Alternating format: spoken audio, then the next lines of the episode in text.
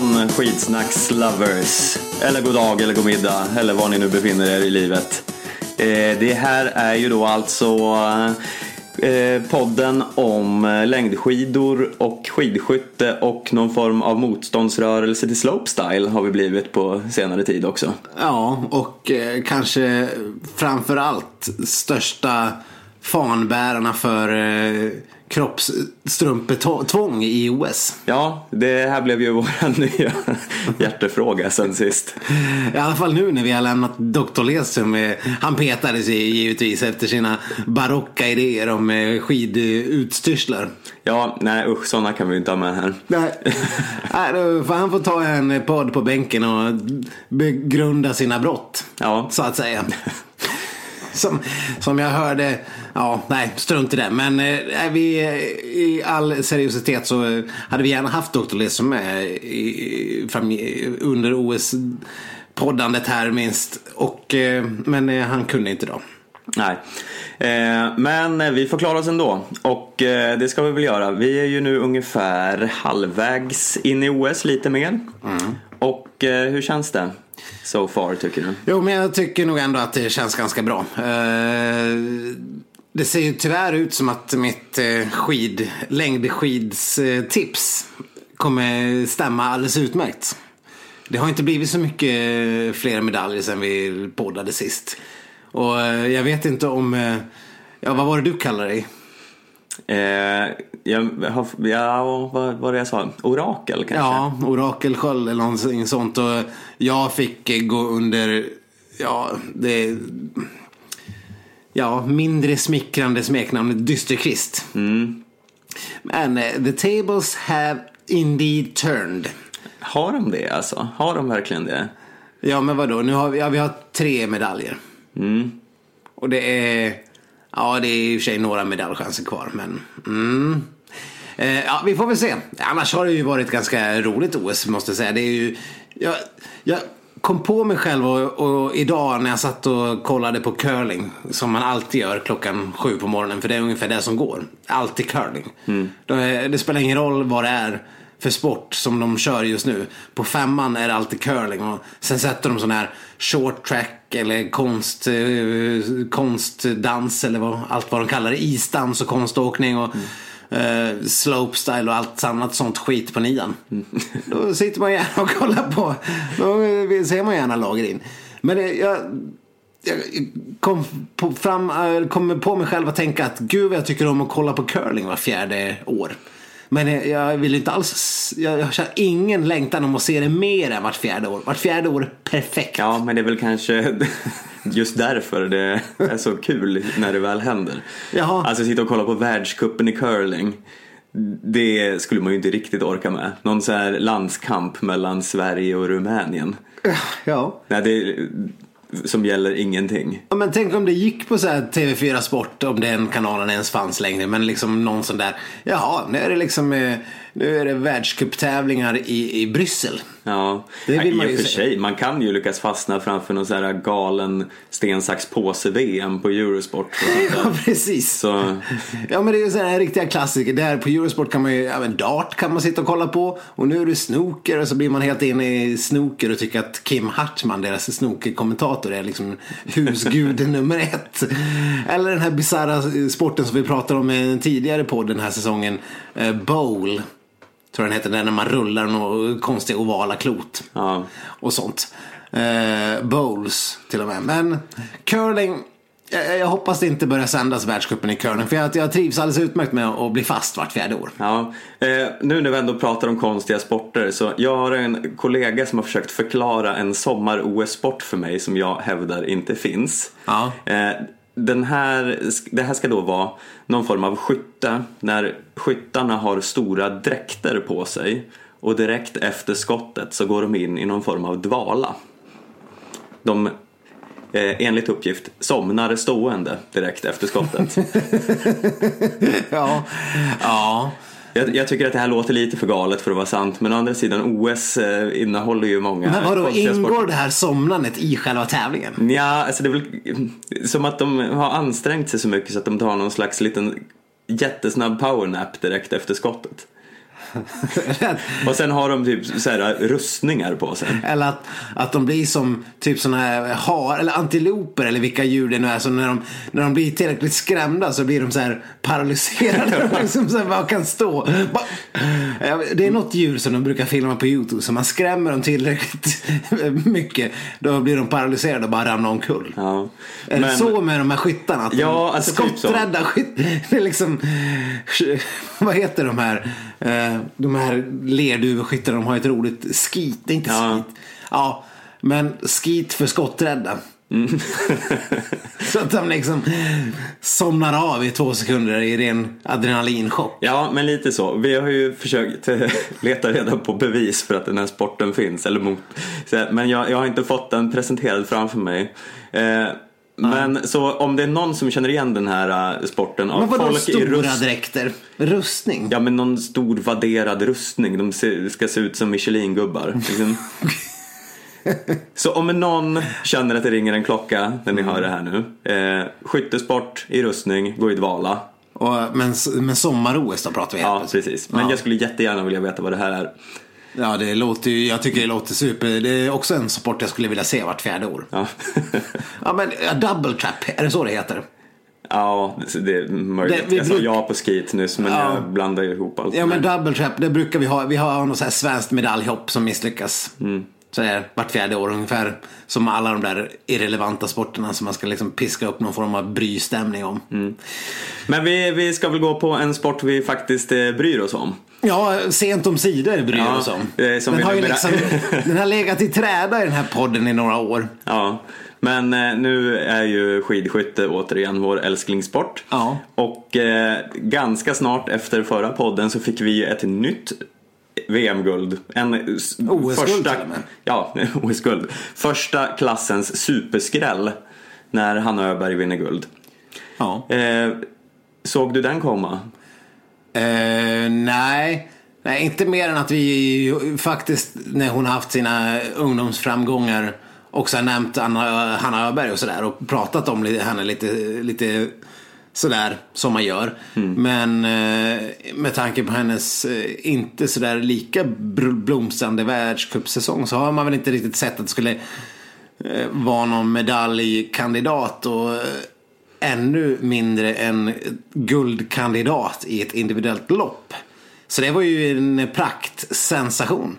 Men sen har ju hon också visat sig vara en av OS-tävlingarnas mest eh, genomgående jämna. Ja, ja verkligen. Eh, skidskytt också. Det är ju vad hon har haft så här.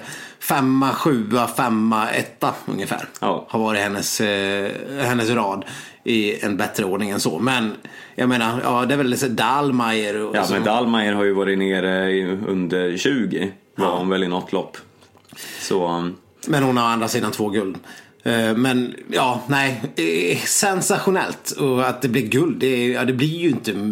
Det går inte att bli bättre. Eh, Och det, man såg ju på dem efteråt, Mona Brorsson. Vad, vad har du gjort? Du vinner ju, du vinner. Vad har du gjort? Ingen förstod ju någonting. nej. Och sen när de skulle intervjua Mona Brorsson efteråt. Och eh, hon bara står och börjar stor... Hon börjar lille skuttgrina i, i direktsändning. Ja, I princip. Ja, men- Tårarna sprutar ju. Jag har aldrig sett någon klämma ur sig så mycket tårar så snabbt. I tv. nej, nej, men det var, det var lite rörande tycker jag. Ja.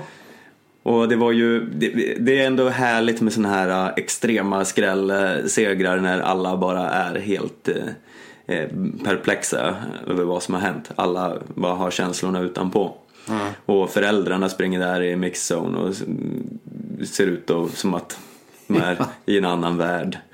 Ja.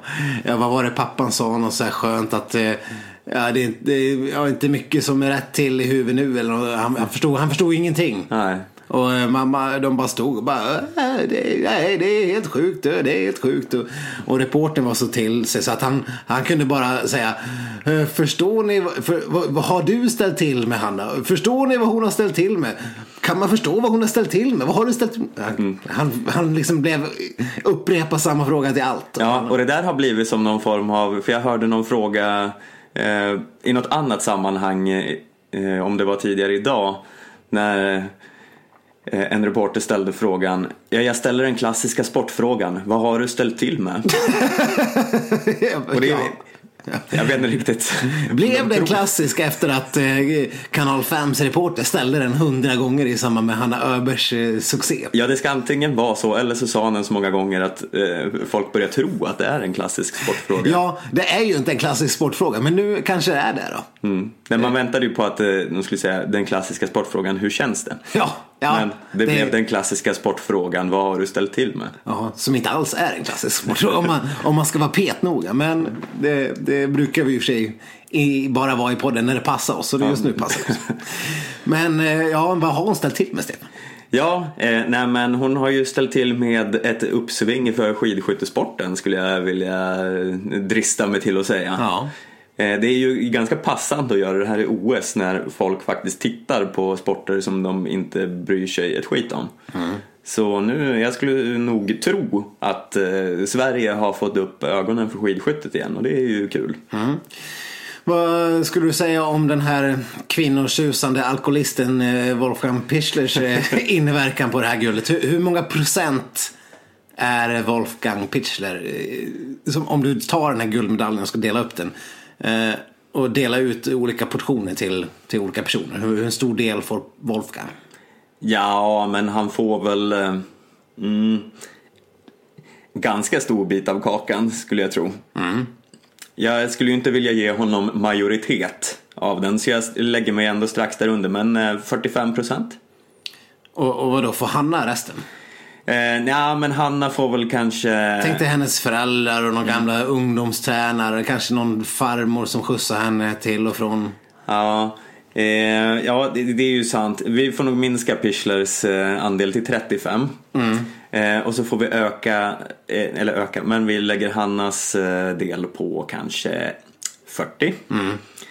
Och sen eh, nu ska vi se vad vi har kvar, 25 har vi 25 kvar. ja. Då kan vi portionera det lite med 5% mellan eh, lite olika inblandade Ja. random personer.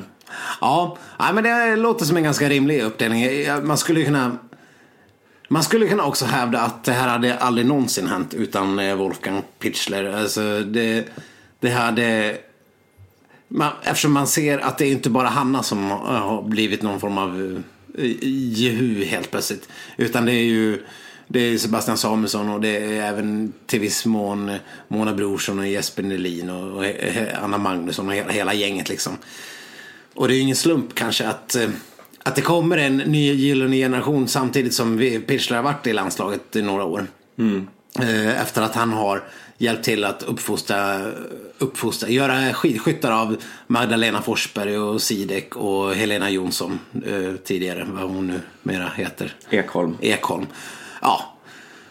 Och ja, det var ju så skönt där när de när man, eh, när vi satt och, och såg eh, Magdalena Forsberg och Carl-Johan Bergman, inte vi såg utan jag satt och såg. Och de skulle prata om Pichler och, och, och jag hade inte hört Magdalena kom, kommentera honom och hans träningsmetoder sådär lite grann innan. Men nu gjorde hon det och sen jag sa, ja de där de hatade ju honom. Och någon, några minuter se- senare säger hon, ja ibland så hatade man ju honom. Och det var ju verkligen så. Det, de berättade om hur de på söndagskvällarna liksom hade ångest för det skulle komma ett fax. Ja, bara det här att de fick fax tycker jag är lite roligt. Ja. Faxet med veckans träningsupplägg. Eh, som Wolfgang faxade från när han satt, och, satt på sin arbetsplats tydligen. Och, och enligt Magdalena så kunde det komma så här mitt i natten, natten till måndag ibland.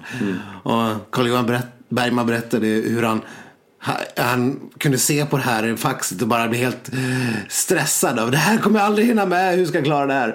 Eh, och ja, man pratar om grispassen och helvetespassen. Och någonstans så börjar jag fundera om eh, Wassberg har rätt. är det så? Ja, Är det bara är grispass och helvetespass? Är det hemligheten? det verkar ju vara så om man tittar på skidskyttelandslaget. Ja men om man tittar på Wolfgang Pichler och hans metoder. Hans eh, gris-nazi-metoder som ger någon form av resultat. Är, är, det, är det att Kalle och Marcus Hellner har gjort för lite grishelvetespass? Helt enkelt. Ja, eh, Man vill ju ändå tro att de tränar som, som svin. Men kanske inte tillräckligt de kanske svinigt. inte har de här tillräckligt eh, grisiga passen. Kanske, inte, kanske behöver någon tränare som är liksom out of there. Mm. Jag vet inte. Men det är ju i alla fall en tanke som man vill eh, gärna leka med. Men ja, Släng ja. in en galen tysk i, eh, i längdlandslaget. Ja. Det är ju nu snack om Rickard Grip kommer fortsätta till nästa säsong eller hur det nu var för att hans kontrakt går ut. Jag såg det. Och jag... Jag vet inte, vi har väl aldrig varit någon så här stor fantaster av Rickard Grip i den här podden. Eh, Det kommer vi väl få massa fan för. Folk kommer undra, hur- menar ni? Rickard Grip är ju världens eh, genom tiderna bästa förbundskapten. Hur vågar ni? Och man, man, han har ju sig eh, bra medaljfacit, det får man säga. Eh, så har han ju haft lite flyt med att ha Charlotte Kalla och Stina Nilsson. Och, och en hel drös andra medaljstinna åkare. Men eh, jag kan ju känna att det vore skönt med lite förändring. Ja, ska vi slänga in Pichler som Tänk om han kunde ta över eh, liksom, längdlandslaget också. Bara skicka ut ungefär samma träningspass. Ja, det är, så det vore spännande inför eh, nästa OS som väl ska gå i någon form av eh, Japan. Mm. Nej, det var sommar-OS. Eller vart fan nästa vinter-OS? Eh, Peking. Peking. Ja. Men, ja, nej, men jag tror det skulle kunna vara bra för Kalle Halvarssons psyke och liksom eh, mentala träning och öva lite eh, skytte. ja, kanske. Han skulle ju behöva ett starkt fokus. Och, Tänk, tänk, tänkte jag han i en skidskyttestafett. ja, jag, jag, jag menar inte att han ska bli skidskytt. Jag tänker på Nej. att det skulle vara ett bra inslag i hans träning. Större nervvrak till skidskytt skulle man väl få leta efter. Det skulle ju... ja, Ja, de skulle inte kunna ha publik på de här tävlingarna för det skulle ju vara fara för livet jag skulle alla. hellre slänga in eh, ja, Nasse. Från Nalle Puh skidskytte. Han känns liksom som han nerverna bättre under kontroll. Ja. Men, ja. Eh, apropå det och ha nerverna under kontroll och det vi faktiskt pratade om här, som vilket var Hanna Öberg. Så en som inte hade nerverna under kontroll några timmar senare eh, var ju Jesper Nelin. Som faktiskt, och ja, för att återgå till eh, kritiken av Roberto Vacchi som vi till viss mån lyfte fram sist. Eh, han, varken han eller om det var Forsberg, eh, det var, inte, det var Carl-Johan Berg som satt och kommenterade. Ingen av dem fattar ju att eh, Jesper Nelin sköt för guld. Nej. Att hade han satt de här fem skotten så hade det blivit guld. Men det lyckas ju inte kommentatorerna hålla reda på, vilket är ju helt insane. Vi satt där och smsade och bara Han skjuter ju för guld! Sätt där de här så sju och det är ingen, knappt ens e- eftersnacket så verkar de ha fattat, ja då kanske det liksom kröp fram till slut. Men När de såg tiderna lite i efterhand sådär. Men inte att det de facto det hade ju blivit guld om man hade satt dem. Ja. Nej, men så otroligt känns det uselt och känns det fel att inte kunna fatta det. Det kan man ju tycka, för det kan ju vara en viss dramatikhöjare. Ja, det är det är bra Sverige- för eh, tv-publiken. Ja. ja, nej, så det... Ja, ja, vi, vi ska inte grotta in oss mer på det. Men eh, Jesper Nelins eh, nerver kanske vi ska grotta oss in lite mer i. Vad, vad tror du han kände? Det? det blev ett skapligt ben där. För han hade ju i alla fall uppenbarligen rätt bra koll på att det kan gå rätt bra om jag sätter de här skotten. Ja, eh, han, han drabbades nog av den, den stora darren där. Ny, Nybörjar, eh, eh, ny i OS-sammanhang och eh, stora eh, pressen på axlarna. Och sen var han ju lite uppe i gasen också efter att hans eh, sambo hade tagit OS-guld. Men tänk liksom vilken total svensk idrottshistoria som skulle kunna skapats där inom loppet av några timmar. När det här ja, nya power couplet. Ja, eh, ja, det hade ju varit helt sensationellt. Som är alltså Hanna Öberg och Jesper Nelin. Ja, det var, det var nog ganska få som kände till det här på förhand. Att eh, vi hade ett, eh, ett power couple här i, Ja. i skidskyttelandslaget. Va, vad ska vi kalla dem för? Vi, vi, måste ju ha bra namn. Hasper. Eller Ja. ja. Jana. Jana. Has, Hasper Jana. Hasper. Hasper är, är bättre än Janna i alla fall. Ja, ha, Hallin. Hallin. Eh, Neighborg. Neighborg. Ja. Ah, ja, de, vi får fila på Power. Alltså de är jättebra och jätteduktiga men de har inga bra namn. Men sen, om man tänker, vad heter de andra Power Cupen i, i världen? Brangelina. Ja, Brangelina. Eh, och, och uh, Tomcat. Tomcat, ja. Nej, Hasper, det vi har inte bättre. Hasper. Hasper. Hasper. Ja, det, går, det, är lätt att säga i alla fall. Ja. Så vi säger så så länge. Mm. Ja men bra, då har vi ja. slagit fast det. Men eh, ja, vi får väl se om vi kan eh, ha Hasper som eh, framtidens namn i skidskyttevärlden. Jag hör, hörde förresten på, kan bara ta en snabb diskussion om det här. Radiosporten hade någon undersökning om att väldigt stor majoritet av stockholmarna absolut inte vill ha ett vinter-OS. Eh, en majoritet av svenskarna ville inte ha vinter-OS. men stockholmarna var ännu mer skeptiska till ett vinter-OS. Men eh, sådana som Sebastian Samuelsson och eh, eh, och det, det, var den här Nils eh, skridskoåkaren, Nils van Houten. Mm. Eller vad fan han nu heter. De var ju såklart väldigt positiva. Han heter inte van Houten men typ. typ. Ja. Nils von van Heiten. Något holländskt klingande. Precis. De ville ju såklart jättegärna ha ett äh, vinter-OS. Och slängde ur sig att, ja men Sebastian Samuelsson som ändå är lite av en tänkare tyckte att ja, man kan visa att man kan ha ett, eh, ett grönt och miljövänligt vinter-OS. Så det fanns många, många sådana intelligenta tänk. Och den här, den här hologrammet från förra veckan han är så hologrammet. Som inte var ett hologram. Som inte var ett hologram.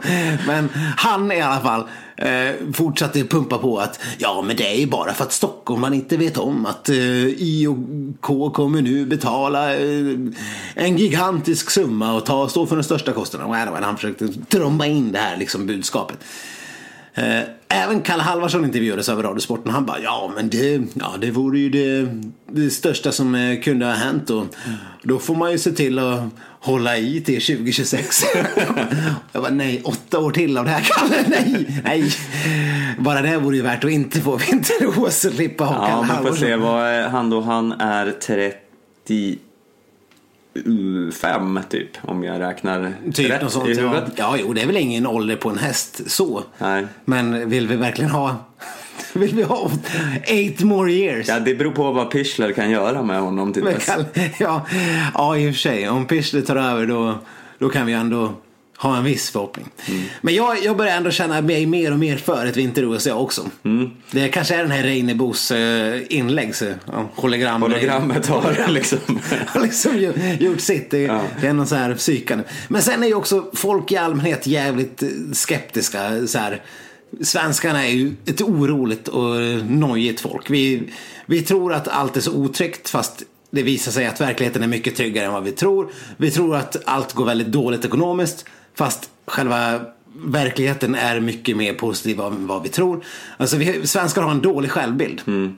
Medan vi är, liksom, vi är ett av världens mest eh, utvecklade och eh, ekonomiskt på gång länder och tryggaste länder. Men vi har en självbild av att det går så jävla, jävla dåligt. Det tror jag också påverkar bilden av att nej men inte kan väl vi ha ett OS, hur ska det där gå? Det är så jävla gnälligt. Men tror du inte att det är det som vi var inne på i förra podden, att det är den här stora oron för hur våran invigning ska se ut? ja, det, ja, ja, men det var ju det här med alltså, kollektivavtalen. Ja. Två års uppehåll bara, sen, sen är det lugnt. Men om vi redan nu, bara innan vi ens har fått det, börjar och preppa för det här så borde det kunna lösa sig. Det är ju ändå åtta år kvar. Ja.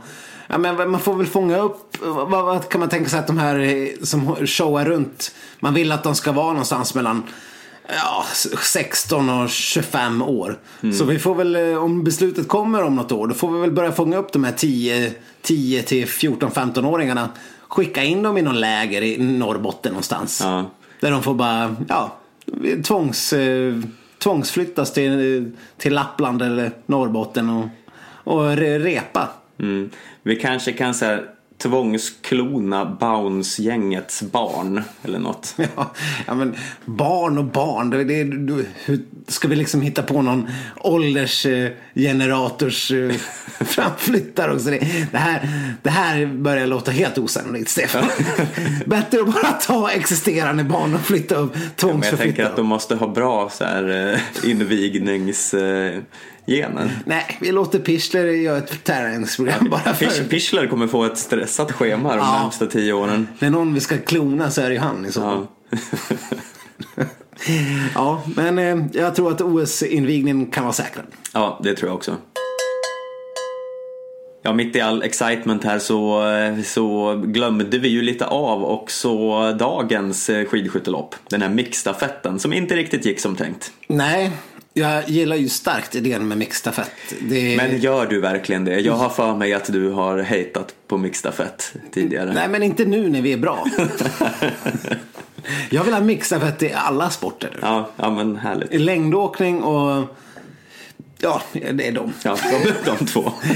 det finns ju redan i alpint. Ja. Typ mix, det är motsvarigheten till mixstafett. Mm. Gillar du det då? Ja, när fan är det? Fan... Ja, det är på slutet någon gång. Ja, men det är ju bra, för det är vi ju bra i. Ja. Där har vi medaljchans. Det ska bara rassla in guld när vi har liksom mm. ski, cross och eh, skidskyttestafetter och längd...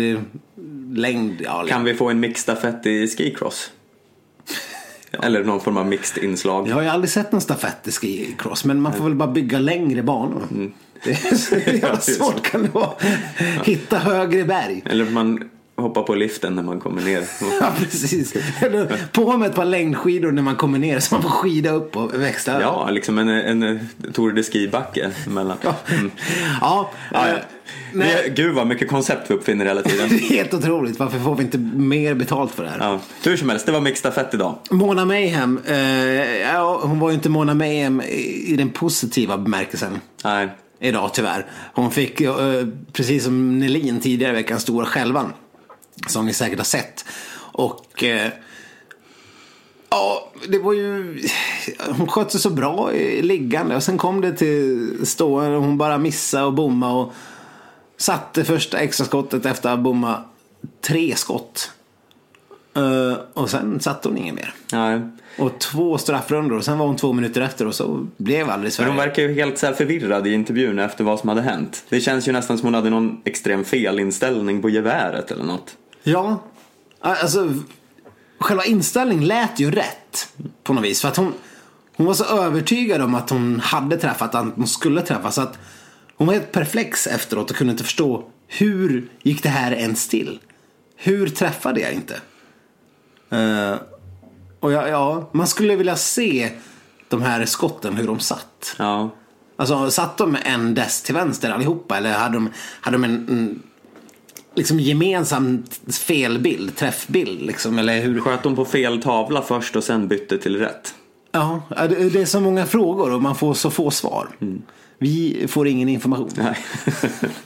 Men, men ja, äh, det sket sig ju direkt där så det var ju inte så mycket mer att hoppas på i den stafetten. Nej, sen var det ju Hanna Öberg och Jesper Nedin och sen inhoppande i sista sekunden Fredrik Lindström som hade blivit petad från början, vilket var ändå lite av en skräll. Ja. Att Jesper Nelin tog den platsen.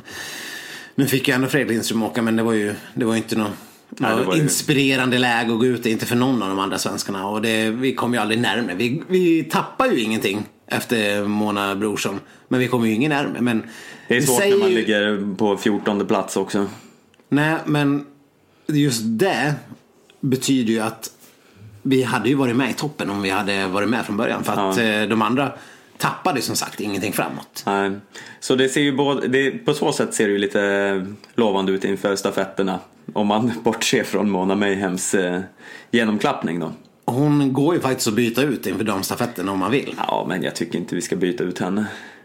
Ja, vadå? Hanna Öberg eh, och Bettan och Anna Magnusson. Kanske kan fixa det bättre. Jag vet inte. Jag vet inte heller.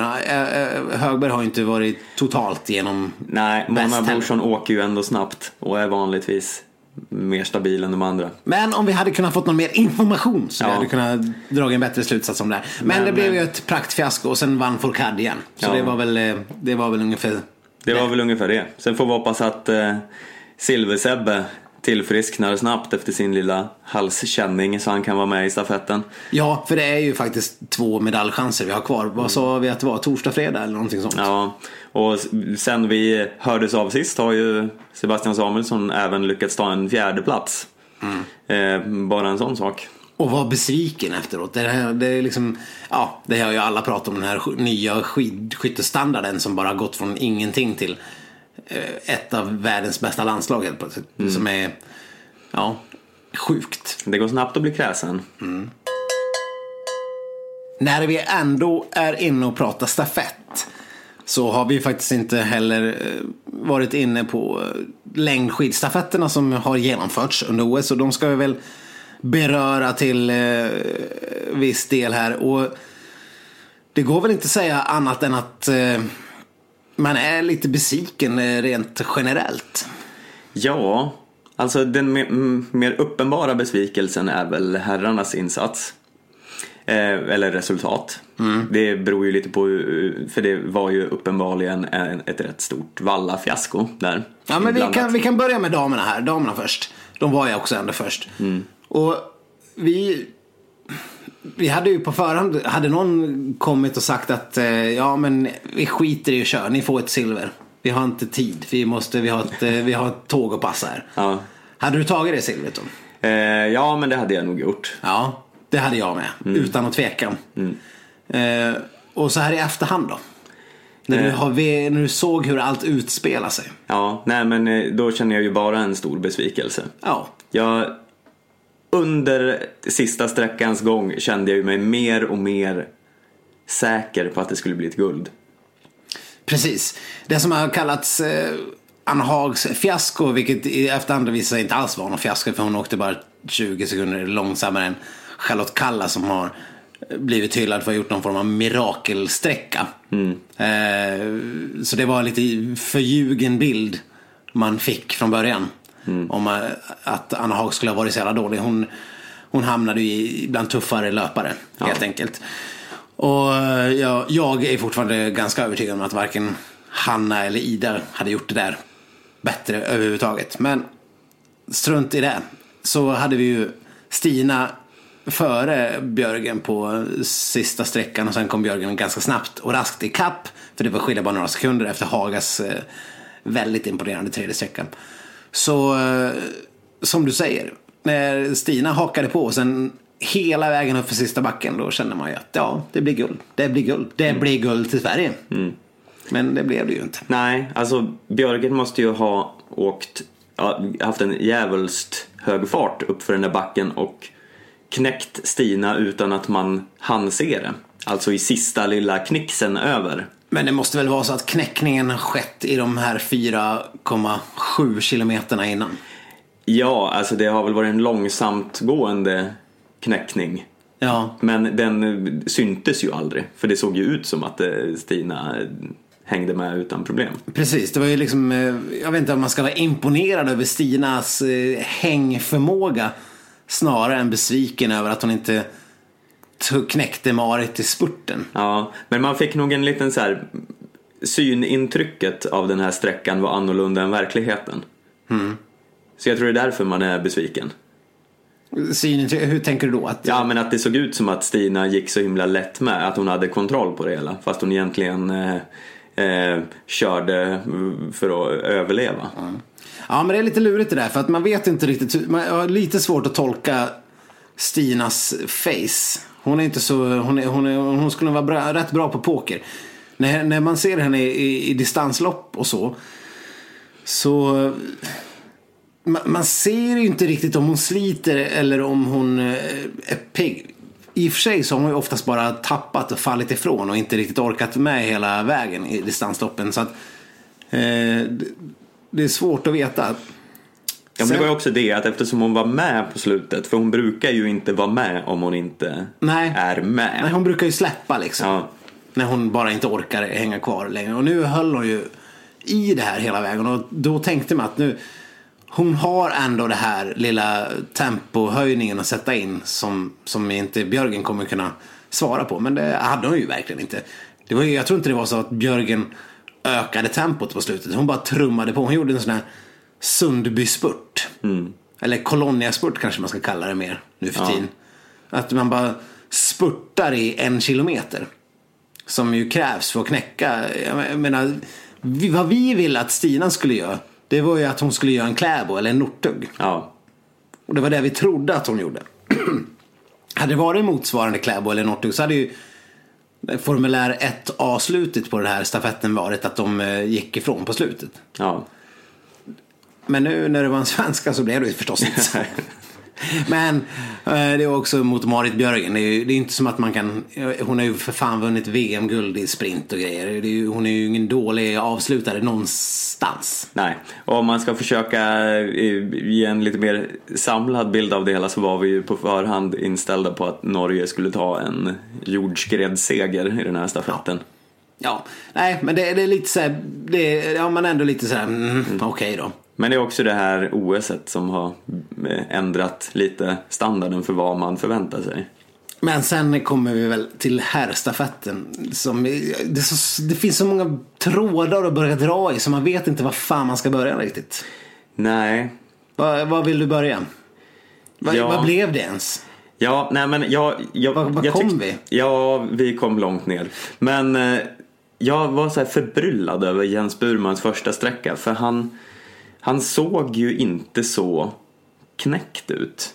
Alltså, han, eh, han låg ju långt bak. Sen gjorde han lite sådana här konstiga eh, ryck i de första backarna och bara gick om hela eh, klungan och la sig först. Sen gled de om. Så man tänkte ju där ganska snabbt att det, det är ju något skumt med de här skidorna.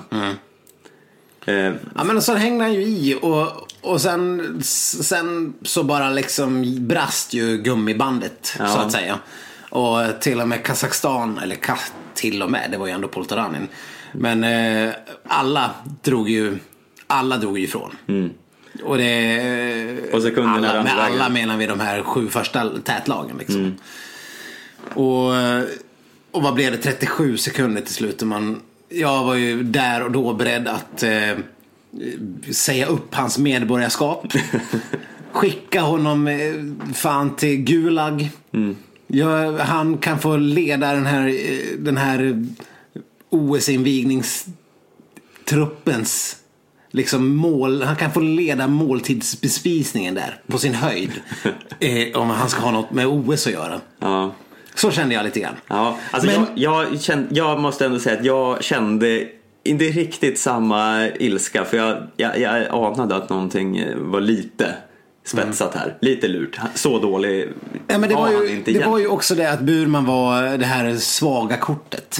Så att rent direkt så fick man ju sina, sina farhågor besannade när han helt enkelt inte orkade. I och för sig, många som inte orkade. Tönset släppte ju massor och, och det blev en lite konstig första sträcka. En kul första sträcka. Men, eh, men sen kom ju då beskedet rätt snabbt. Eh, från en väldigt, eh, väldigt ärlig eh, Daniel Rickardsson. Ja, ja, för han gjorde ju en, om man bara ska döma av vad man såg, ännu sämre sträcka än Burman. Precis. Och eh, i intervjun efteråt så eh, väldigt osvenskt skyllde han ju allt på Valla-teamet. Ja, det var ju, det var ju en, om sågning jäms fotknölarna någonsin skulle kännas eh, klent som eh, uttryck. Så var ju det minsta han gjorde. Eh, Han, man, vad man kunde utläsa av hans språk så skulle han ju kunna åka upp till den där vallaboden med ett maskingevär och bara meja ner hela, hela högen. Alternativt eh, ge dem anställning på den här matbespisningen som ska Ja. försörja OS-invigningsklonerna. Ja, precis. Det är ungefär det här jobbet som eh, Urban Nilsson och gänget kunde, om de ska ha någonting med nästa OS att göra. Ja. Nej, Och sen har det varit krismöten och på krismöten efter det här. ja, sen tog de en vilodag. Vilket väckte ont blod i svenska folket. Vilodag, hur kan ni ta en vilodag mitt i det? Ja, det är. Hur som helst, frågan är ju då om man ska omvärdera Jens Burmans första sträcka så till den milda grad. Att han egentligen gjorde något heroiskt. Som bara tappade 37 sekunder. När han kanske hade skidor som skulle ha motiverat en en och en halv minuts tapp. Ja, nej men det är ju lite som med Anna Hags första sträcka där. Att den, den var nog inte lika dålig som den såg ut. Nej, nej, men jag menar Rickardsson som ändå är en så pass mycket mer välmeriterad åkare och som har visat någon form av bättre gryende form än Burman. När han tappar så mycket mer än Jens Burman. Men nu har inte jag sett i och för sig deras sträcktider, vem som tog långst längst tid på sig att ta sig runt den där milen. Det borde man ju kollat upp. Men hur som helst, eh, det kanske var så att Burman gjorde något fantastiskt och att han eh, Hela längdtruppen ska byggas kring honom i framtiden. De ska resa en staty uppe i Rätansbyn. Ja. Över, efter Jens Burmans insats i Pyeongchang. Förresten, jag kan bara sticka in med en liten irritationsmoment över Roberto Bacchi. det var lite den jag spelade på. Ja, men alltså det enda han verkar plugga på det är ju vart alla åkarna kommer ifrån. För det är liksom Bredbyzonen och Lerdalazonen och det är liksom varenda, varenda, varenda namn. Och det är liksom, det är, det är Fourcade som faktiskt kommer från Pyre- Pyrenéerna och inte från... Ja, han bara pluggat på var de kommer ifrån så han kan säga någon form av sak om det. Och det är inte bara på en löpare utan på 47 i varje lopp. Nej. Får verka påläst. Och Det är ju kul med lite trivia så här. Men Jo, man kan jo. ju även eh, tycka att det är kul att veta när Jesper Nelin skjuter för guld. Ja, börja fokusera på rätt saker som att lära dig sporten du ska kommentera. Det är bara ett litet insteg. Eh, Men eh, var var vi någonstans? Eh, ja, vi, vi pratade om Jens Burmans Jens eventuella staty. Ja, le, inte Lerdala, vad sa du att den var? Rätansbyn. Rätansbyn. Tro, tror jag att den heter. Ja. ja, nej, statyer kanske är för tidigt att börja resa än. Eh, men eh, ja, han kanske visade någonting ändå. Något eh, jävla anamma.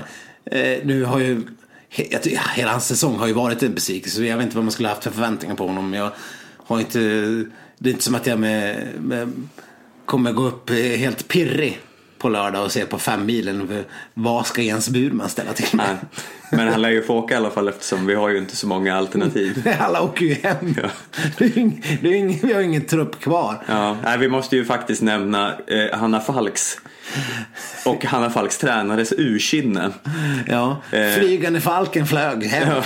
ja, hon har ju då alltså flytt hem eh, till Sverige innan uttagningen av eh, sprintstafettlaget. Vilket måste tyda på att de avslöjat det för henne i förhand då. Ja. Men Ja, men hon kan ju, hon måste ha insett att hon är inte första reserv till, till sprintstafettlaget. Det måste hon ju veta om då redan.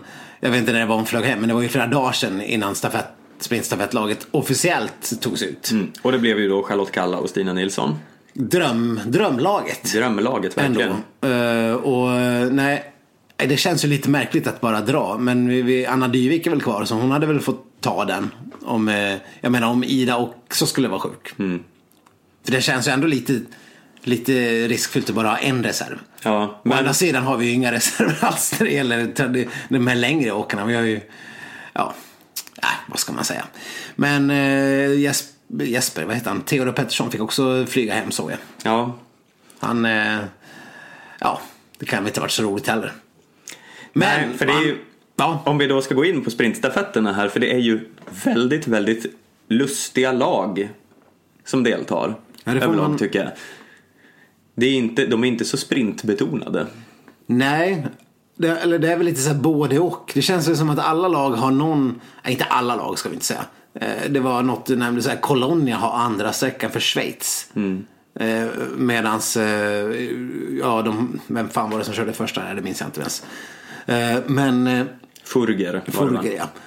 Eh, Sundby ska åka för Norge och jag, jag kan inte riktigt minnas, har han någonsin åkt en sprintstafett? Nej, jag, jag, nej, det, Det känns helt osannolikt att han ska ha gjort det. ja, nej, jag kan inte minnas att jag sett det. Och jag menar, hans resultat i sprint senaste, eller ja, någonsin har väl inte direkt stuckit ut. Nej. Det är ju lite skillnad för de har ju Björgen på damsidan. Hon har ju ändå en historia av att ha varit bra i sprint. Även om hon inte har varit det på slutet. Nej. Men Sundby är, är ju liksom...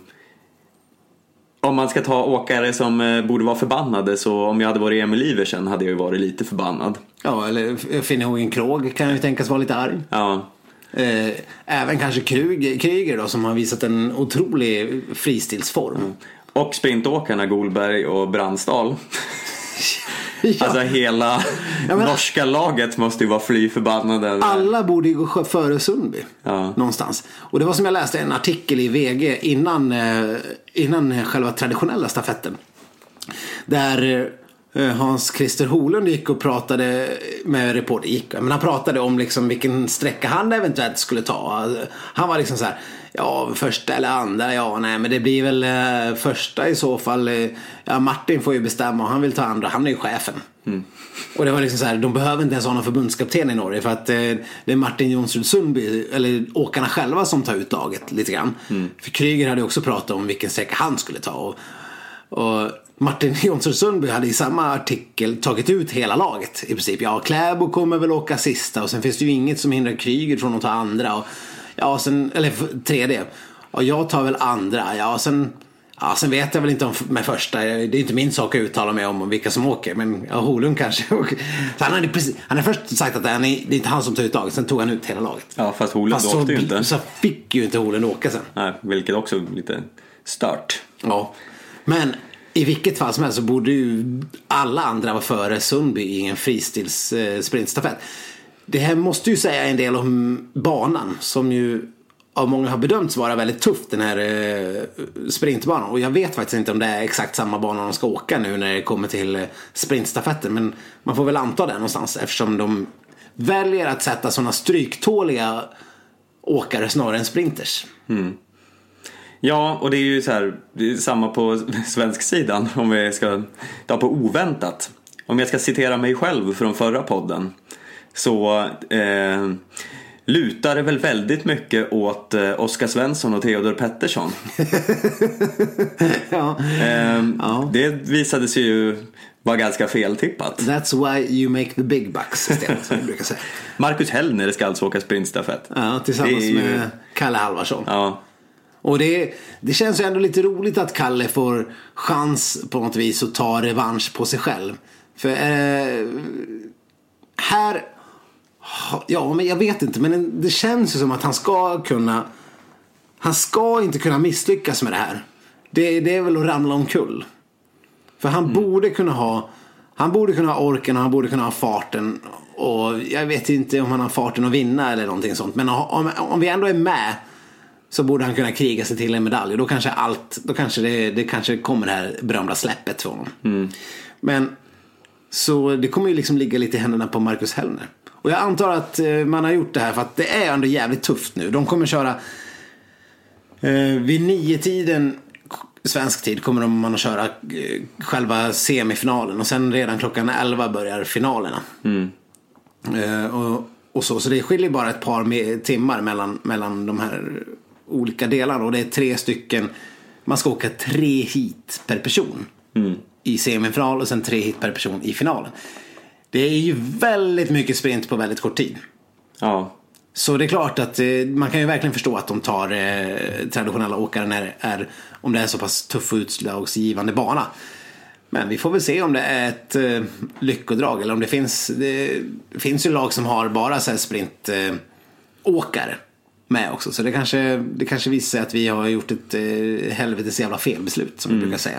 Men det är, det är väldigt många lag som kör så här ändå. För om man kollar på Frankrike som har Ja, de har ju hur många som helst om man tänker bra up and coming sprinters. Mm. Men så slänger de in Magnifica som ju inte har visat någon superduper OS-form. Nej, men han har ju å andra sidan varit jättebra tidigare under säsongen. Ja, men det är ju ändå ett lite oväntat val. Ja, absolut. Det får man ju säga. Nej, men det... Nu kan ju det här bli en konstig eh, diskussion och lyssna på för många som kanske har sett hur det här har gått redan. Mm. Men eh, om vi får väl ändå kasta in en liten tippning när vi ändå är här. Oh, måste vi det? Blir det några svenska medaljer? Ja, ja damerna såklart. Precis. Vi har ju varit inne på den här drömuppsättningen Kalla Nilsson tidigare. Och eh, då har vi väl varit ganska överens om att allt annat än guld är någon form av fiasko. Ja, och nu, de håller ju på med lite så här psykning Sverige och Norge emellan och slänger över favoritskapet fram och tillbaka. Precis. Men det är alltså Kalla Nilsson mot Björgen Falla. Men slänger över favoritskap och sådär, det vet jag inte. Kalla sa ju tvärtom att ja men om det är Falla som hon eh, kommer att stå där mot så känner jag mig ganska trygg på att Stina kommer vinna. Det är ju det är ju inte alls att slänga över favoritskap. Nej, det är ju, sant. det är ju att gå ut med världens jävla vi vinner. Ja, ja okej. det är väl mest Norge som slänger över favoritskapet på oss då, kan man säga. Ja, det kanske de gör. Mm. Men eh, ja, ja, man vet inte. Eller nej, snarare så här. Jag tar tillbaka allt jag har sagt. Man Ja. försöker liksom roffa åt sig lite av favoritskapet själv. Eh, såg jag någon artikel. Att eh, Stina eh, är nog lite rädd för Falla. ja, precis. Läste jag om det var Björgen som hade sagt. Ja, det, var, det, var, det var Hjelmeset. Ja, så var det. Inte Oddbjörn utan han som eh, är, verkar vara en del av norska landslaget på något vis. Roar. Jag vet inte hur de är släkt. Det skulle man ju vilja veta. Men jag antar att de är släkt. Vi tar det för givet. Ja. Jag vet Men- inte om Hjelmeset är någon slags Andersson-namn i Norge, men jag gissar på inte. Gissa på inte. I och för sig så är ju de här uh, un- unga Weng-människorna inte alls särskilt mycket släkt med Heidi Weng. Nej, de är inte. Nej. Och inte alls. Ja, de är nog, ja, nu har jag glömt bort. Bryllingar? Ja, något sånt där jätteavlägset. Ja. Vad sjukt. Mm. Väng. Ja, Det låter ju mer kinesiskt. ja. Men i Norge heter alla Weng. Ja, Ja, det- visst. Tur att de har sina, sina liksom förledsnamn. Så att man inte bara heter Weng utan man har Mm. Ja, sju fast namn. Weng heter ju bara Weng. Den Weng. De andra. Weng heter ju Udnes också. Ja, ja precis. Mm. Ja, men det är klart att hon bara, och Heidi Weng. Henne skulle man vilja ägna flera poddar åt bara. Men vi, jag, tror, jag tror inte ens vi orkar nämna henne just nu längre än så. Men det är klart att det är ju ändå så att om inte Sverige vinner guld så är det en besvikelse. Oavsett. För att vi har världens just nu formstarkaste distansåkare tillsammans med världens just nu bästa sprinter som också har visat sig hålla ganska bra i distans. Så att det ska ju... Och de möter nummer två och nummer två på samma distans. Ja, det, det, allt annat än guld är ju en besvikelse. Däremot Heller och Halvarsson. När jag skulle ta ut mitt fantasylag. Då bo- bollade jag ju dem fram och tillbaka. Jag har tagit ut ett lag. Eh, men eh, svenskarnas eh, eventuella plats på den listan. Det var ju det, var, det, det, var det sista man eh, satt och, och grunnade på. Ja. Jag ska inte berätta var det hamnade. Men eh, det var, det var absolut eh, det sista som man ville få med. För att Kalle kan ju också, han kan ju totalt tappa fattningen. Och Marcus form är ju så jävla oklar så att han kanske inte alls orkar. Nej. Nej, det ja. Nej, jag vet inte. Samtidigt så är ju Sundby med här. Han åker ju med Kläbo. Kläbo kan ju åka med en liksom... Eh, Fast du såg sista världs, eller den här världscup-sprintstafetten som var några veckor innan OS. Då Kläbo åkte med eh, Stadås. Rundgard trodde jag det var. Var det Stadås? Rundgard. Rundgarde tror jag inte existerar. Men Rundgren, jag jag tänkte på. Rundgard. Eller var, ja, det var nog Stados. Men då Stados tappade och Kläbo fick ut, gå ut. eh, Det var inte mer än typ 10, ja om det var 10 sekunder. Det kanske är mycket i en sprintstafett precis. Men uh, Kläbo hade inte chans att ta ifatt det där. Uh, Pellegrino vann ju. Uh, flygande fläkt, flart. Eh, så att Eh, Det hänger ju verkligen på att han eh, får en bra resa. Han kommer inte kunna göra som han gjorde med, med Spitz och vid stafetten. Åka runt och bara håna honom nej. i 10 kilometer. Ja, det var ju nästan lite hemskt att se. Ja, och jag, och jag vet inte. Jag har ju en norsk svåger. Och eh, vi, både jag och min övriga familj hade varit lite inne på att eh, Kläbo är en gris. För att han så demonstrativt åkte om och sen eh, drog ingenting och bara liksom gled fram. Så både... Han var väldigt nordtuggskt Ja. eh, där. Ja men liksom han typ så slog ut med armarna i princip som att, eh, ja men vad ska jag göra åt att jag har så bra glid? Jag tänker inte dra ändå. Det var så extremt mycket arrogans. Mm. Medan eh, då min syster och hennes eh, sambo tyckte att, ja men vadå, han hade ju bara bättre, hur skulle han göra? Han, han gled ju om i nedförsbackarna, det var inget hån, det var bara så det var. Jag vet inte, det, det kändes grisigt i alla fall, tyckte jag. Mm. Ja, jag håller med. Man, eh, man vurmade lite för oaren. oaren Spitsov. ja. ja, ja. Även om han är en av ryssarna som ser uh, så mycket rysk ut som man bara kan göra. Ja, men jag tycker han ser lite uh, oskuldsfull ut. jag, jag, skulle vilja klappa honom på huvudet lite känner jag. Ja. Han, men det är kanske för att han ser så liten ut. Låta honom krypa upp i din famn. Ja. ja, det, här, det blev ju konstigt homoerotiskt eh, inslag här i ja. Tänk om man hade en liten Spitsov i, i famnen. ja, det hade, det hade man ju väl haft. Mm, det var vi alla önskar oss. Men nu har vi inte tyvärr det. Nej. Så nu, men Spitsov kommer ju få en chans att knäppa Kläbo på näsan eh, redan imorgon. Ja, fast de, eh, åker väl första eh, sträckan så han kommer åka mot Sundby. Jaha, så det är Bolsjunov som ja. får... Och, ja, Ja, det är oerhört spännande blir det oavsett. Jag tror tyvärr inte att Sverige kommer ta någon medalj i, på här sidan. Eh, så det är mitt tips. Och jag tror väl ändå att Norge vinner. Eh, jag vet inte vad man skulle tippa något annat egentligen. Nej, det ska till någon så här monstersträcka av nöcklar så att Pellegrino kan vara med i matchen. Men eh, ja, jag vet inte. Jag tror nog också Norge. Ja, men vi tänkte väl eh, avsluta denna OS-podd med eh, veckans lista som vi lanserade. Veckans OS-lista. Ja, eh, det här nya, nya stående, stående inslaget tydligen. Ja. Mm. Och den här gången har vi veckans utropstecken. Och nu pratar vi inte så mycket kanske ren eh, skidåkning här. Vi har svävat ut lite på OS i sin helhet, precis ja, men, som sist. Det tycker jag ändå man kan få göra för OS är ju ändå så pass mycket större än bara några små längd och eh, skidskyttetävlingar. Det är så mycket annat roligt att, att prata om. Mm. Och då har vi några minuter på slutet att göra det och vi kan börja med de här men, veckans utropstecken, det här är ju bara bisarrt egentligen. Ja, bisarra utropstecken. Bisarra utropstecken. Eh, och jag vet inte hur bisarrt det är, men det måste ju vara helt bisarrt för de som får genomlida de här. Och det är placeringsmatcherna i hockey. Mm, plats fem alltså. Plats fem. Eh, och då pratar vi väl främst om, eh, just nu i alla fall, främst om damlagets mödosamma, trista resa. Ja, här har man åkt ut i kvartsfinalen. Efter att ha gjort en platt ja, de ryckte upp sig mot Finland men det var liksom aldrig riktigt nära att gå eh, vidare. Och när man åker ut ett mästerskap i kvartsfinal då brukar man ju kunna få skita i det här och liksom eh, fästa till i OS-byn och ta bilder med Usain Bolt och liksom sitta på hans rum och, och, och softa och dricka bira. Får alla sitta på Usain Bolts alla, alla svenska man här, När man eh, hämtar ut en nummerlapp brukar man ju få lite så här, kanske en matbiljett. Bolt-biljett ja.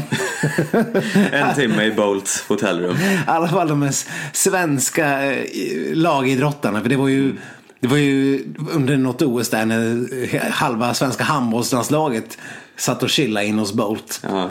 Oklart. det har inte läckt ut så mycket mer information om vad som hände men ja. Ja.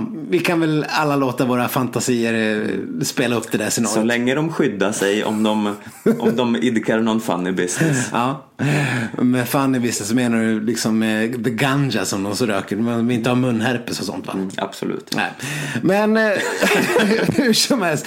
Ja, nu var det ju placeringsmatcher i hockey vi skulle prata om. Ja, men alltså när man har åkt ut i en kvartsfinal då vill man väl bara lägga ner. Vad fan ska de tvinga dem att spela två matcher till för? Ja, inte bara en placeringsmatch utan då ska de först möta en förlorarmatch där förloraren får spela jumbofinal hela, hela OS. Alltså. Så vinner ni, om ni förlorar den här matchen, då ska ni få spela en till match om vilket lag som är det sämsta match, äh, laget i hela OS. Ja. Alltså, vem kommer ihåg om du kommer tia eller sjua i OS? Ja, eller åtta eller sexa, femma som det här gäller då. Ja. Men Sverige då gjorde också en eh, ett eh, platt, episkt fiasko-match mot Japan. Så vi, vi fick inte spela matchen om femte till sjätte plats. som vi hade fått göra om vi hade vunnit den här Japan-matchen. Mm. Utan vi fick spela alltså jumbo-matchen. Vi blev sist eller näst sist och den fick vi ju möta Sydkorea igen. Och där lyckas de ju till slut repa upp sig och inte förlora i alla fall. Mm. Men eh, vilket sinnessjukt system. Ja, jag tycker att hockeylagen innan de går in i OS borde få skriva på ett sånt där eh, inga livsupprätthållande åtgärder, tack. ja, ja, verkligen. Ja, men det är som du säger, vem fan bryr sig vem som kommer åtta eller femma? Det är, det är ju bara förnedrande att spela de där matcherna. Ja, Nej, byt ut, lägg ner, avgå. lägg ner. Vi går vidare till plats fyra. Här har vi Ja, vi, vi går till den här härliga sporten halfpipe som vi har varit inne på tidigare. Ja, eh, och här är det halfpipe, inte med, med bräda, men eh, lika flängigt ändå. De, har kört med skidor. Och eh, amerikanskan Elizabeth Swaney som i sin idrottskarriär bland annat har försökt bli venezuelan och numera har lyckats bli ungrare. Och därigenom tävlat sig till att få åka halfpipe med skidor. Jag vet heter det något mer än halfpipe med skidor? Jag tror de- det har ett lite häftigare namn. Men... men, men det var parodiska scener. Om ni inte har sett det så råder jag er direkt gå in på valfri sajt och googla på Elizabeth Swaney. Varför man ska gå in på valfri sajt och googla på Elizabeth Swaney. Det, det låter som att man inte vet hur det här internet fungerar. Ja. Men, ja, hon åker alltså upp och ner i den här pipen. Och hon gör inga tricks. Nej, hon bara åker. Hon gör väl, och, och någon gång så gör hon väl så att hon åker med skidorna framåt sen glider hon ur med skidorna bakåt. Det är på den nivån. De andra hoppar ju och gör sådana här ja, snurrfinter. Sånt här som vi har pratat om tidigare som ska vara häftigt men som inte är så häftigt. Precis. Japaner och snurrfinter och eh, en gurkburk. Eller, nu tänker jag bara på olika handbolls, handbolls helikopterfinter har de också. Ja.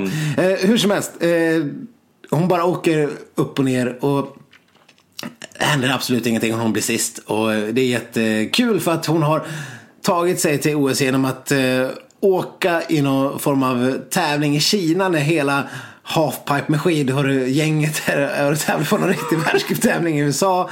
Och hon har liksom åkt några B-tävlingar och kommit sig typ 13 för att de tre före henne eh, hade liksom inte klarat sig eller inte startat. Så hon har tagit så många världscuppoäng att hon fick åka OS. Och det blev stor parodi på allting.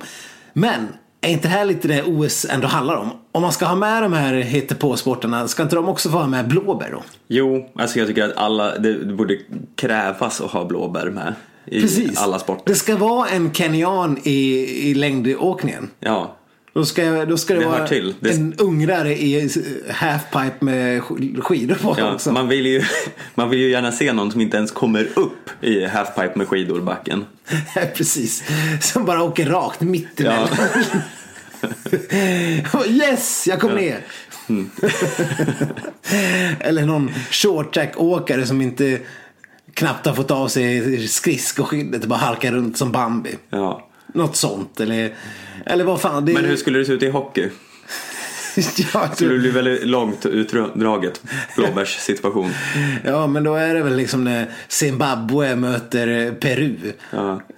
Någon, någon, någon sån här liten sidorink. Mm. Uterink kanske. Där de får skotta själva. Ja. Och så, så blir det 0-0 för det Och så får de vet. spela placeringsmatcher i Ja, all oändlighet. För att möta Finland. Mm. Ja, nej, det är, det är klart att Elisabeth Sony ska få vara med. Men det är, eh, ja, det är ändå ett utropstecken. Eh, jag tycker att vi går vidare till plats tre. Mm. Eh, vi började ju redan förra veckan att ösa skit på sporten slopestyle. Och då ville ju inte eh, idrotts-Sverige vara sämre. Utan det blev ju någon hel form av debatt Ja, om slopestyle sen. härligt tycker jag. Ja, och de, de flesta var ju på oss griniga gamla gubbars sida. Ja, eh, och med all rätt. För att det är så här, eh, ja vi är partiska här då. Ja. Men, All, all idrott utan kroppsstrumpa är inte idrott. Mm. Men, den, den linjen. Det har ju pratats nu väldigt mycket om att de själva inte ens verkar bry sig om det går. För de bara står där och skrattar och är glada nere i målområdet ändå. Vi kan ju säga det att hade Dr. Lesun varit med i det här avsnittet så hade han faktiskt varit den som hade ryckt en lans för de här eh, jeansbärande höll jag på att säga. ja, ja, de här slapp tjommarna i mm. slopestyle. Men vad sa du? Ja, nej men de verkar ju liksom inte riktigt bry sig om hur det går. Nej. Eh, överhuvudtaget. Eh, de är glada och nöjda ändå, bara för att hänga lite. Och då hade Sportbladet eh, faktiskt frågat en eh, av svenskarna, eh, var det Jesper Tjäder kanske han heter. Mm. Tjäder heter han i alla fall, jag minns inte förnamnet. Ja, typ ja. Jesper. Mm. Eh, om, ja, eh, det är så svårt att se på er vad, hur ni egentligen känner för, ni, för att de ser så glada ut. Så bara, vad beror det på? Och då svarar han. Då svarar han. Vi har mycket annat. Filmprojekt och andra tävlingar som X-Games. hur, hur, hur, känns det i kroppen när du hör det här? Ja, ja, ja. Är det, det, det liksom man, det, det väcker någon så här vassbergskt vred inom en. Ja, vi har filmprojekt. Ja. Nej, Tänk om Daniel Rickardsson skulle säga nej, det är, det är lugnt ändå. Det gick inte så bra men jag ska ut och filma lite till sköna vlogg. moves till min vlogg ute, ja. ute på fjället. Ja, nej, jag blir ju jag blir rosenrasande. Ja. Och uh, går i helt, det var ju um, Patrik Bränning i Aftonbladet som skrev någon lång uh, kolumn kring det här och hur de borde lägga ner slopestylen och låta någon idrott som faktiskt brydde sig få ta platsen. Uh, och det, och det, en viss del av mig vill bara säga, men gud din trötta traditionalist, låt dem, låt dem hålla på. Men den mycket större delen av mig. tycker att, den ja, som har kommit eh, ja, till orda här. Ja, skicka hem de jävla fjantande asen. Ja. De bryr sig inte om, om de är med och tar medaljer. Varför ska då vi bry oss? Nej, och så har de Varför ska vi behöva utsättas för folk som är med och tävlar utan att egentligen bry sig om det? Och så sitter Roberto Vacchi mm. i studion och debatterar det här med Patrik Ekwall. Och det ska mycket till för att jag ska hålla med Patrik Ekwall för att han inte Ja men han har ju inte alltid rätt. det, var, det var diplomatiskt sagt av men mig. Nu, börjar han, nu fick han lov att hamna mot Roberto Vacchi som av någon anledning älskar slappheten och slopestyle, eh, tjommarnas eh, totalt eh, nollställda inställning till eh, allt vad tävling heter. Mm. Det tyckte Roberto Vacchi för att han har typ en son som håller på och hänger med de här dudesen. Och då tycker han också att det här med att skita i att man tävlar är skönt. Då är det bra helt plötsligt. Vilket, eh, jag, jag fick inte ihop det för att han är ju också förgrundsgestalt i cykelsporten som är kanske en av de mest tävlingsinriktade idrotterna som eh, överhuvudtaget finns. Där, jag menar, det finns ju ingen mer dopingsdrabbad sport bara för att alla vill ju liksom vara snabbast och bäst. Mm. Det kan jag ändå gilla med doping. Man, man, man, gör det ju ändå bara för att vinna. De här slope-tjommarna, de skulle aldrig få för sig att dopa sig. Det skulle bara vara om de hade liksom räknat fel på att haschet inte har gått ur kroppen i någon nästa tävling. Liksom. Det är den enda dopingen de skulle få för sig att ställa till med. Mm. Eh, ja, nej men så är det ju det här med att de har det här jävla X-games som de tycker är bättre än OS. Ja. Eh, för det här det var ju också med ja. eh, en annan åkare, Sven Thorgren, som skadade sig innan OS. Mm. Eh, men han verkade liksom inte bry sig så mycket om att han missade OS. Det är ju ett nytt X-games nästa år. Ja, för, ja men vadå, jag har ju X-games att se fram emot. Ja, ja men åk X-games då. Kom ja. inte till OS tack. Nej. Bort. Bort, väck, väck som Wassberg skulle ha sagt. Ja. Å andra sidan så tror jag ändå att Henrik Harlå när han misslyckades i slopestyle-kvalet så gjorde han en ganska skön grej. För att han, han var ju uppenbarligen så förbannad att han sket i hela mixade zonområdet och kom ju inte dit på eh, flera timmar. Och det tyder ju ändå på en viss besvikelse. Sen kom han ju efter, efteråt ändå fram dit och sa bara, ursäkta, jag visste inte att man skulle behöva gå igenom. Ja, det är klart han visste. Det var väl alltid någon, någon jävla presstjommer som försökte dra in honom där. Men han var, han, jag, jag hoppas att det var för att han var så besviken att det gick så dåligt som han inte gick dit. Mm. Det, det, är min förhoppning i alla fall. För att jag, jag, jag har ändå tron på att det finns någon som inte är en av de här dönickarna som bara jublar åt eh, andras framgång. Hoppet om besvikelse lever. Ja. Ja, plats Ja. nummer två. ja, det var ju också ett parodiskt utropstecken. Ja, eh, en helt ny disciplin för mig eh, som jag såg under dagen var den fantastiska eh, sporten short track stafett. Eh, det här var ju en fullständigt obegriplig sport att följa.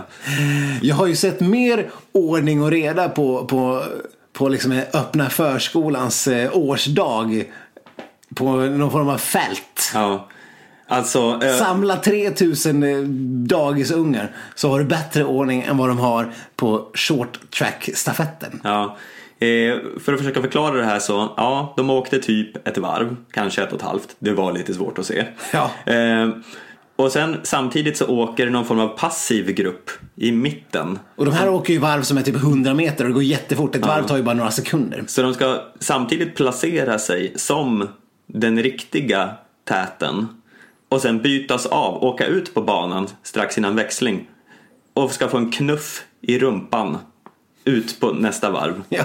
Varpå de andra ska lyckas inte fälla någon när de stannar in där. Ja. Samtidigt ska det åka in en ny klick som ska lösa av i den här mitten. Det, det, det var som att se ett akvarium med bara random fiskar som skulle plockas upp. eh, Som ja. att du skulle synkronisera fiskarna efter olika, eh, olika arter i akvariet. Ja. Med hjälp av brödsmulor. Ja.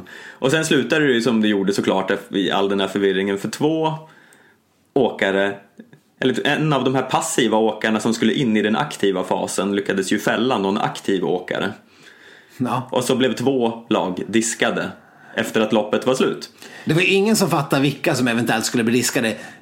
Alla stod ju bara och väntade på någon form av domarbesked. För domaren skulle ju reda ut det här kaoset. Folk åkte ju vidare. Det var, ju, det var Japan och Sydkorea och Kina och, och eh, Kanada. Kanada. Och Italien. Ja, då var det för många. Det var bara fyra. Det var Ja. Japan, Sydkorea och Kanada. Ja. Ja, ja. Hur som helst.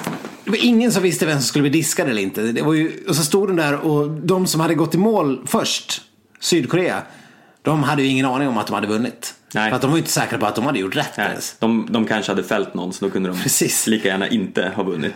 Och det slutade ju så parodiskt att två av lagen i finalen eh, blev ju diskade. Så att de fick ju lov att hitta bronsmedaljören i ett annat lopp. Ja, så Holland som vann B-finalen, som inte ens åkte i den här finalen, fick alltså brons. De stod där och såg överlyckliga ut och skrek. Ja, nej, lägg ner skiten känner man ju lite grann. Ja. Fast å andra sidan, det är ju, det är ju roligt att se när folk ramlar. Ja, och de har kroppstrumpa. Ja, det har, det har de ju verkligen. Mm. Och de har till och med så här kevlar, eh, kevlarsäkrade kroppstrumpor. Bara en sån sak, det är otroligt Har de high-tech. det? Ja, ja, de ska inte liksom skära sig av, av eventuella skenor som kommer, kommer farande i 190. Nej, ja, Å andra bra. sidan, man är ju mest orolig för att inte skenan ska dra av liksom, eh, halspulsådern. Ja. Och den är ju inte skyddad. Nej, de borde ju täcka ansiktet också. Precis, de har får uppfinna någon form av skid eller short track burkinis. Kevlar eh, burkinis. ja, precis. Fast tajta då. Ja. Så att, eh, ja. Å andra sidan vore det lite spännande att se ett blodbad i short track-finalen också. det, är inget, det är inget man vill se, men det vore, det vore ju bra tv. Ja. Ja, nej men eh, vi får nog eh, faktiskt gå vidare till plats nummer ett på listan. Även om det är svårt att toppa detta. Men tidernas kanske konstigaste dopingfall, eller misstanke om doping har ju nu eh, uppstått under OS. Det handlar om sporten eh, dubbelmix-curling som vi eh, hånade lite förra veckan. Ja, Där har det ryska paret nu blivit, eh, eller de, det oarska paret. ja precis. Ja, men ryska, jag tror man får säga ryska. Man får inte säga Ryssland. Ja. Ryss, ry, man får säga ryss, ryssarna. Hur som helst, de Ryssland. olympiska atleterna från Ryssland Ja. eh, har eh, tagit eh, förbjudna substanser. ja, men det var ju väl bara mannen. Ja, mannen. Det var ju den här mixed dubben eh, som vi inte kunde liksom riktigt begripa varför vi inte har ett lag Mm. med. För att vi verkar ju uppenbarligen vara typ bäst på curling. Ja. I världen. Alexander Krusjelnitski, typ, heter han. Ja. Och han har ju tagit det här eh, patenterade eh, klantdopningsmedlet. Eh, Meldonium heter det väl. Något liknande. Eh, ja, precis. Ja. Och det är samma dopningsmedel som Areba, Abeba Aregawi. Mm. Blev ertappad med att ha tagit i, no, eller hade något i små mängder av. Eh, men hon höll ändå på med 1500 meter. Mm. Och då kan man ju liksom lätt förstå varför man vill dopa sig. Ja, alltså det finns ju sporter där doping är logiskt, även om det är väldigt dumt. Ja. Men curling, Ja. att ens vara i närheten av någon slags doping i curling är, har- ju, är ju bara så dumt. Så De har dumt, ju inte ens dumt. kroppstrumpor på sig. Men även om de hade haft kroppstrumpa på sig. ja. Så jag, varför? Ja. Nej. Why God why? Nej men om det hade varit någon sån här liksom eh, en sån koncentrationshöjande på något vis eller, eller sådär. Fast nej, ja, jag vet inte heller. Det, det, det ska ju mycket, man ser ju på curling alltså visst, visst man ser alltid de här svenska lagen.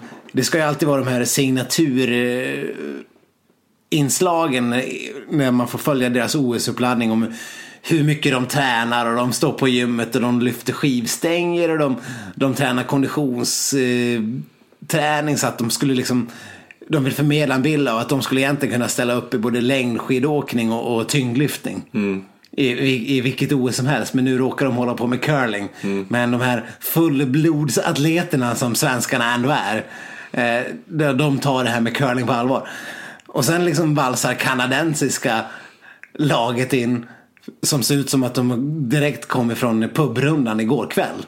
Ölmagar och liksom halvstirrig blick. Ja, och, och se ut som eh, vilka söndagskampare som helst. ja, men det där är ju ungefär samma sak som att sådana e-sportare får för sig att man måste vara vältränad för att bli bäst i Counter-Strike.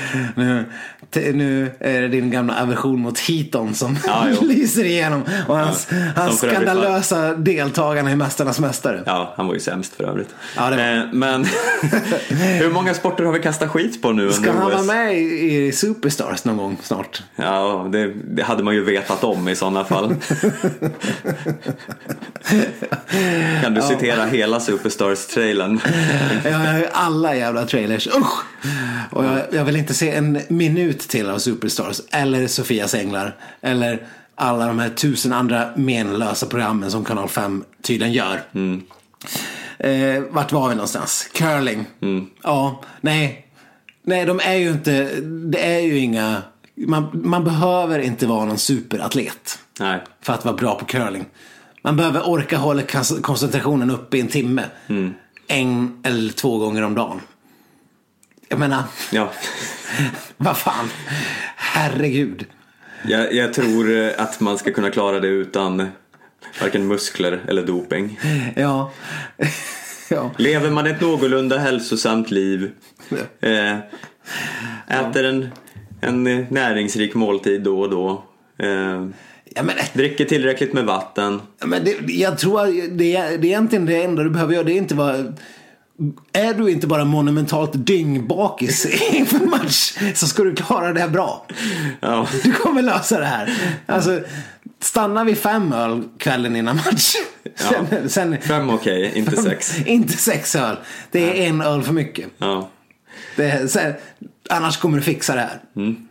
Det är, det är, min, min, succémetod för att bli bra i curling. Ja, eh, så undvik doping. Det, det, eh, det påstås ju, han säger att någon ska ha lagt eh, medlet i hans drink. Curlingfantasternas vrede i, i, efter det här poddavsnittet nu. Ja, gud. Vi har e-sportarna och curlingfantasterna, slopestyle-fansen och eh, Wacky-supportrarna.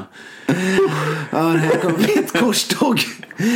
Ja, nej just det. Drink, han hade blivit, fått drinken spetsad. Det känns också som den, den mest klassiska undanflykten vad gäller, vad gäller folk som har blivit utpekade som dopare.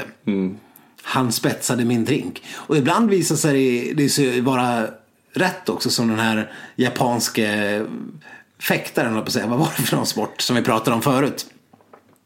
Han som hade blivit dopad av sin lagkamrat. Ja, just det. Jag minns inte vad det var för sport nu, men det har vi ju nämnt en gång så ni får spola tillbaka till tidigare podd. och där hade han ju faktiskt blivit spetsad. Hans drink eller mat hade blivit spetsad. Så det, det är, jag förstår ju att det är en bra go-to undanflykt. Mm. Men det är ju också en alldeles uppenbar eh, första, första utväg. Mm. Om man hamnat i trångmål. Ja. vad, vad, säger du till polisen när ditt liksom, urinprov visar på metamfetamin? Nej, det, det var inte jag. Det var inte jag, nej. nej. Det var någon som, som lade i min drink. Precis.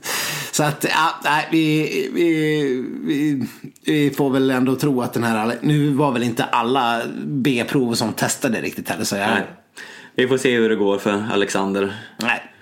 Men det var väl ungefär så långt vi skulle komma med den här listan idag. Vi får väl se vad vi ska tota ihop för lista till nästa gång. Men det här blev ännu någon form av rekordpodd. Även utan Dr. Ledsson så lyckas vi sitta och snacka.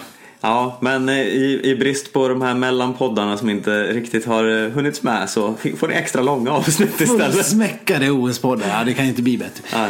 Men vi får väl se när det blir någon ny podd. Kanske kommer en innan nästa tisdag. Eh, för det är ändå sista OS-veckan som vi är inne på. Mm. Så att eh, vi får se helt enkelt. Och till dess så får ni höra av er till oss på skitsnacket gmail.com. Mm.